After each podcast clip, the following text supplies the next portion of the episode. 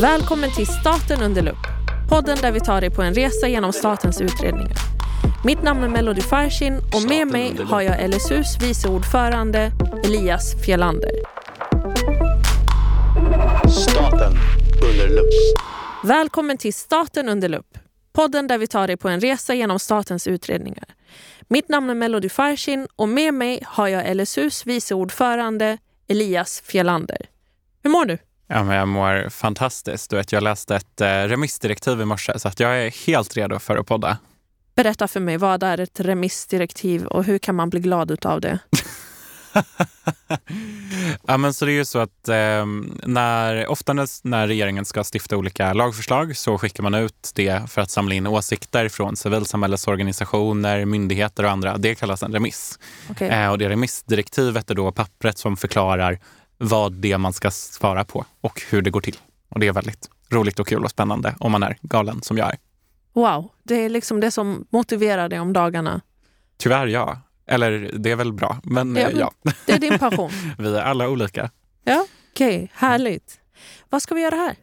Ja, men så vi ska prata lite om statliga offentliga utredningar. Och eh, det är så att vi i Sverige har en eh, ett system för att stifta lagar och många andra processer som är grundat i att saker ska få väldigt gedigna utredningar. Det är inte alls så i alla andra länder.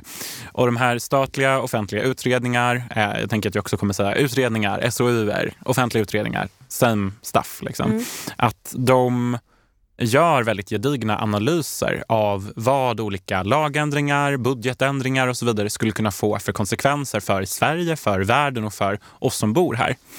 Och genom att prata om det så ökar vi ju kunskapen om hur Sverige styrs, vilket också förhoppningsvis då gör att den som kan lyssna på podden inte bara hör om vad jag gör om morgnarna utan också kan förstå eh, hur man kan själv engagera sig för en samhällsfråga man bryr sig om eller på andra vis. Jag kommer inta den skeptiska rollen. Mm, kör på. Hur mycket kan man påverka egentligen? Har du något praktexempel på vad en SOU, en liksom offentlig utredning, är för någonting? Och mm någon berättelse kring, eller en egen upplevelse kanske, kring där man har lyckats påverka eller misslyckats. Mm. För någonting behöver övertyga en till att lägga all den här tiden. Om man ska vara väldigt konkret så är ju en statlig offentlig utredning just det, en utredning kring ett lagförslag eller kring andra omfattande ändringar i landets eh, styrning.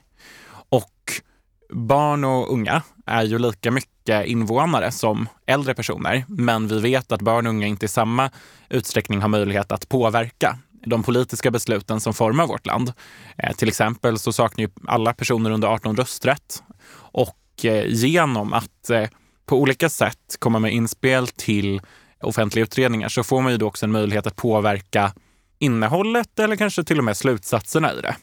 Om man ska börja från slutet och sen röra sig tillbaka till starten så har man ju ofta möjlighet att lämna remissvar. Alltså när det finns en färdig utredning, den kan vara 100 sidor eller 2000 sidor någonstans, däremellan brukar det väl ligga. Och då eh, har vem som helst möjlighet att inkomma med synpunkter på det. Eh, om man ska vara väldigt konkret så finns det på www.regeringen.se eller om det är sverigesregering.se. Ja, något av dem är det. Och så kan man ju liksom klicka sig fram till olika departement som har hand om olika sakfrågor, till exempel socialdepartementet som har hand om sjukvården och arbetsmarknadsdepartementet som har hand om jämställdhetsfrågor frågor, för att ta två exempel. Och så finns det liksom listor. Vilka olika utredningar är det som regeringen vill ha åsikter om? Och då brukar man skicka ut en lista en liksom, numrerad lista. Här är de här 134 myndigheterna och organisationerna vi frågar om ett svar eh, på våra frågor. Vad tycker ni om det här lagförslaget? Hur tycker ni det ska se ut istället? Myndigheter är enligt lag skyldiga att svara på sådana remisser medan civilsamhällesorganisationer och privata aktörer får göra det om man vill. Eh, och det är inte bara de som står på de här fancy pansy-listorna som får svara, eh, utan man kan skicka in ett svar som privatperson eller som en annan förening eller någon annan konstellation. Och det är genom de här remissvaren. Torrt och tråkigt, men det är genom de fysiska dokumenten man nu för tiden kanske mejlar in till regeringskansliet som regeringen tar hand om allmänhetens åsikter om de lagförslagen. Och sen då så blir det ett färdigt lagförslag som sen lämnas till riksdagen. Men ska man gå ännu längre bak i den här lagstiftningsprocessen, det här är ju liksom när det finns en färdig statlig utredning. De har kommit fram till någonting, de vill veta vad man tycker, sen blir det beslut. Men egentligen om man ska få en så stor möjlighet att påverka en SOU som möjligt, då ska man komma in så tidigt, gärna innan det ens finns en statlig offentlig utredning. För att vi vet att det finns enorma behov kring budgetåtgärder, kring lagstiftning och andra åtgärder som rör barn och unga i Sverige. Det tror jag att vi alla vet att vi inte lever i ett optimalt samhälle. Det finns så mycket som behöver förändras. Om man då kan påverka en minister till exempel, eller någon som jobbar för en minister kring att det finns ett behov kring att vi tillsätter en utredning om, säg att vi ska ha gratis Monster Energy Drink i våra skolor. Eh, det effektivaste då, det är att få en person som har en betydande position i regeringen att förstå att det finns ett behov för att vi behöver få gratis energidryck i våra skolor. Nu kommer inte elevorganisationen vara glada på mig kan jag säga. Eh, och om man då kan påverka att den tillsätter en utredning kring att införa en lag som då säger att alla som heter Elias ska få gratis tårta när han fyller år. Då har ju vi helt plötsligt satt igång en process som inte ens fanns. Och det tänker jag är en väldigt viktig poäng att göra att liksom, statliga offentliga utredningar eller lagstiftning eller budgetarbete eller vad som helst i den statliga styrningen. Det är väldigt få av de processerna som bara är. Mm. De finns där för att människor har fattat beslut att sätta igång dem. Om man då kommer in i början så påverkar man ju sen hela den här kedjan av processer. Alltifrån vem är det som ska utreda frågan? Hur mycket stöd, hur mycket liksom konkret pengar i en pengasäck får de för att utreda det? Det blir ju sen till slut hur många arbetstimmar får de att jobba med frågan? Vilka expertgrupper tillsätts? Vilka referensgrupper tillsätts? Vilka frågor är det de ska utreda? Hur ser de på den här lagstiftningen i förhållande till andra sätt att styra? På olika steg i det här kan, kan man komma in på olika vis. Ju tidigare, oftast desto mer inflytelserikare. Okej, okay. men jag tänker med tanke på att din passion tar upp så mycket av din tid. Det här är ju verkligen någonting du inte bara är engagerad i utan du tycker det här är kul. Så att det här måste ju vara din fritid basically. Eller har du någon fritid utöver det? Vet du vad, jag ställer mig den frågan varje fredagkväll. Jag sitter och läser ett dokument som har liksom loggan regeringskansliet på varje av de 573 sidorna. Nej, men så jag är ju så stolt och så glad över att liksom, ungdomsrörelsen har förtroendet för mig som vice ordförande i LSU. Jag tycker det är helt magiskt. Det är ju en ära att få företräda Sveriges barn och ungdomar på det viset jag gör som vice ordförande i LSU. Jag har ju våra, liksom, det är våra medlemsorganisationer som har röstat fram mig. Så. Mm. så här, tar det mycket tid? Absolut. Eh, är det något jag gör om dagarna men också på kvällarna och helgerna? 100 procent. Eh, men jag tror att det är jätteviktigt att också ha utrymme för vila. Så ibland så har jag ju dagar där jag inte ens rör min mail, där jag inte kollar på eh, regeringens hemsida eller riksdagspartiernas hemsidor eller pratar med politiker och allt vad det nu kan vara. Men ja, absolut, det är en jättestor del av min, av min vardag och av min fritid också. Jag tänker att vissa frågor når inte ut till alla. Mm. Det känns som att vissa samhällsfrågor framför allt riktar sig till en specifik typ. Ja. Mer eller mindre. Verkligen. Och eh, ja, men låt säga den gruppen jag tillhör, till exempel hur många från förorten ser vi i klimatfrågan? Ja. Och då är frågan, når den ens ut? Mm. Finns platsen? Känns ja. det, är det en välkommen plats för någon? Vi kanske har någon som är jätteengagerad inom klimatfrågan från orten men som känner att då liksom, jag får inte med mig någon av mina vänner och jag kommer känna mig utanför i det sammanhanget. För att det finns ingen som bär på samma, lever under samma livsförhållanden som jag gör. På det hela tänker jag, vi som kommer från ytterstaden, mm. väldigt många av oss lever i någonting som Sverige gärna förnekar, vilket är fattigdom. Att vi har det svårt med att gå runt och eh, vi ganska tidigt blir tvungna att avlasta våra föräldrar i familjens ekonomi. Så har du några timmar efter din skoltid så ska du helst ha ett extrajobb. Och det blir nästan provocerande för, eh, eller liksom det blir som ett slöseri av tid ja. att göra någonting som du inte får betalt för. Mm. Inte provocerande är ett fel ord, men det blir nästan som att man eh, inte tar hänsyn till att det här behovet finns inom familjen. Eh, om man väljer då att, fastän låt säga man, man kanske stör sig jättemycket på att den där fotbollsplanen saknar gräs. Ja att man spelar på liksom sten. För att så ser oftast många fotbollsplaner ut och det är mycket som händer i våra områden som gärna behöver rustas upp. Låt säga, vi hade en bil i Rinkeby som eh, kraschade i en rondell. Den där bilen var i den rondellen hur länge som helst. Mm. Bara en sån minisak att liksom, skulle den få ligga där ja. i ett annat område, ja. är det okej? Okay? Liksom att gå in i påverkan på den faktorn men alla i de områdena är så pass utmattade redan. Ja. Alltså hur blir det tillgängligt Mm. för en målgrupp som inte har eh, samma omständigheter Mm. kring att ens kunna välja vad man vill göra på sin fritid. Men också, är det inkluderande, själva miljön? Ja, men, först och främst tack för att du lyfter det. Jag tycker det är jätteviktigt att belysa att vi lever i ett samhälle där människor har olika levnadsförhållanden och har olika möjligheter att engagera sig och påverka. Och så ska det ju inte vara. I en demokratisk stat så ska ju varje invånare ha samma möjligheter att påverka. Det har man ju inte om man inte har tid att engagera sig, om man inte har tid att göra informerade val och så vidare.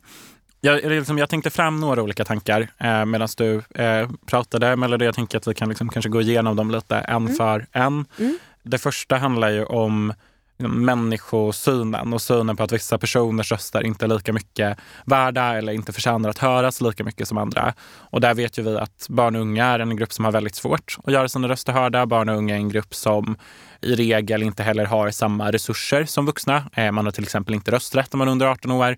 Eh, barn och ungdomsorganisationer har ofta en väldigt ohållbar finansiering. Man kanske inte har råd med de aktiviteterna eller den verksamheten man skulle vilja göra för att ta några exempel. Eh, och den liksom underfinansieringen av barn och ungdomsorganisationer som vi ser i Sverige idag är ju också något som bidrar till att människor som har sämre socioekonomiska förutsättningar, som är de som då har den högsta tröskeln för att ta sig in i fotbollsklubben eller som har högsta tröskeln för att skriva ett remissvar eller som har högsta tröskeln för att ta sig in i en kulturförening till exempel, bara för att nämna några exempel. Det är ju de, de som har de högsta trösklarna, det är ju de som får det svårast att kliva över den tröskeln när den tröskeln höjs för att barn och ungdomsorganisationer har så lite resurser som vi har idag. Eh, och det är ju faktiskt så, om man ska dra en liten fakta, att eh, sett till Alltså justerat för inflationen, eh, så har barn och ungdomsorganisationers eh, liksom, ekonomiska medel från staten minskat sedan det infördes. Så att vi får mindre pengar idag, men förväntas göra ett större jobb, ett mer omfattande arbete, också för personer som har ofta kanske större behov av stöttning och hjälp än vad man hade för 20, 30, 40 år sedan. Mm. Så det är en sån fråga. Jag vet inte hur du tänker kring liksom just de organisationsekonomiska perspektiven. Det är, det är mycket det vi är inne på LSU. Mm. Alltså, vi vill hjälpa våra medlemsorganisationer, hjälpa sina lokalföreningar, hjälpa sina med. Det blir liksom ganska många led. Mm. Men om du ska ta ner det liksom till din nivå, vad tänker du när jag säger så här?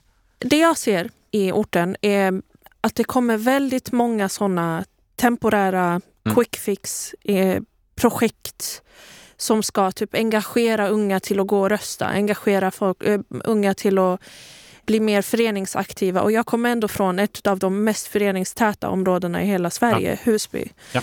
Eh, det är byggt av föreningar och ibland känner jag att föreningarna tar statens ansvar med eh, läxhjälp och det ena och det andra. Och man hjälper till med gratis juridisk råd, rådgivning. Och, allt det här vilar på ideella själar som kommer gå in i väggen inom en... Liksom, det är bara en tidsfråga. Ideell kraft kan man inte förlita sig på för evigt utan det är en resurs som är ex, extremt viktig. Men man kan inte heller förlita sig på att den alltid finns där. Men behovet är så pass stort att vi behandlar det som någonting som är permanent vilket gör att eldsjälar går in i väggen. Någonting jag märker med de här treårsprojekten och liknande som kommer till ytterstaden i och med att vi är områden där eh, det kan finnas en förtroendebrist för eh, aktörer som kommer utifrån Mm. så tar det tre år innan man ens hinner gå igång på idén. Innan du hinner etablera en relation, innan du hinner vinna ett förtroende, innan du hinner skapa en grund och förtydliga syftet med det här projektet. Och precis när man börjar komma någon vart och man börjar skapa tillsammans, man kanske till och med börjar påverka tillsammans, så är projektet över.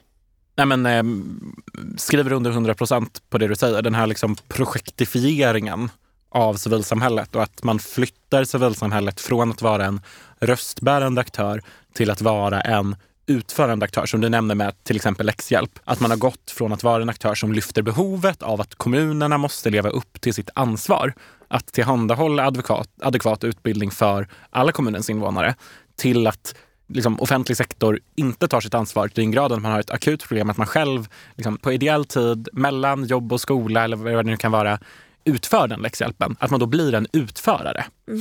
Och för att kunna täcka upp då de kostnader som uppstår så har civilsamhället i min åsikt blivit projektbundet. För att den finansiering som finns är inte för att stärka organisationer. den finansieringen som finns från offentlig sida och från andra aktörer är i mångt och mycket, det är inte till för att stärka organisationerna. Det är inte till för att vi ska ha en stark läxhjälpsförening eller en stark nattvandringsförening. Det är till för att civilsamhället ska hjälpa offentlig sektor nå upp till de alltså offentlig sektors ytterst politiskt satta mål. Det kanske låter väldigt fluffigt, men det handlar ju helt enkelt om att vi behöver ha en långsiktig och hållbar finansiering till civilsamhällesorganisationer som grundar sig i att det är föreningarna, alltså då medlemmarna, som själva bäst bestämmer vad deras pengar ska läggas på.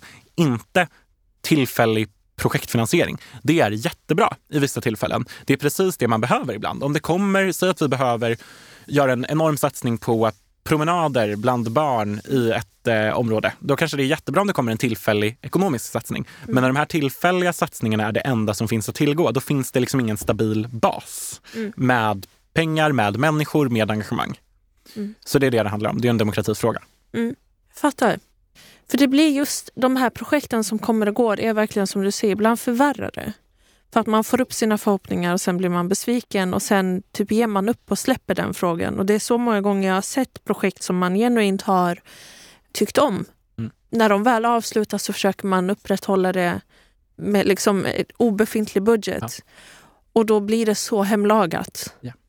Och eh, det är en tidsfråga innan det faller för att det, man märker att det går ju inte ihop och det, liksom, det går inte ens att samla folk hela tiden på samma sätt om man inte har råd att finansiera för tiden.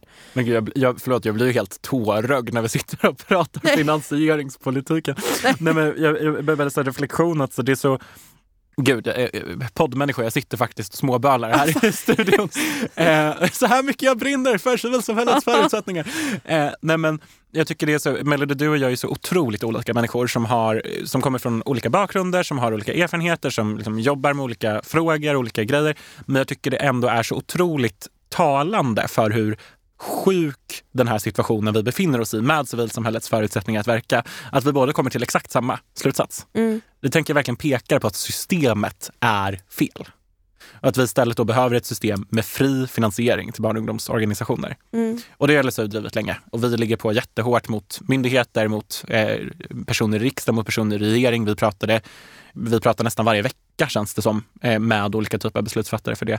Men då behöver man ju också vara fler som tar ställning och säger att vi behöver mm. mer pengar till barn och ungas egna organisering. Nu avbröt jag det också. nej, nej, nej. Men det finns två faktorer som jag ja. tycker påverkar eller hindrar många unga från vad, jag kan utgå ifrån vad jag ser och det blir ungdomarna i mitt område. Mm.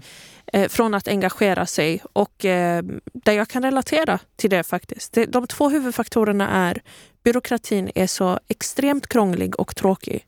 Det är nästan som att man har skapat det krångligt med flit för att alla inte ska kunna engagera sig. För att allas, liksom det kräver en form av resurs av språk ja.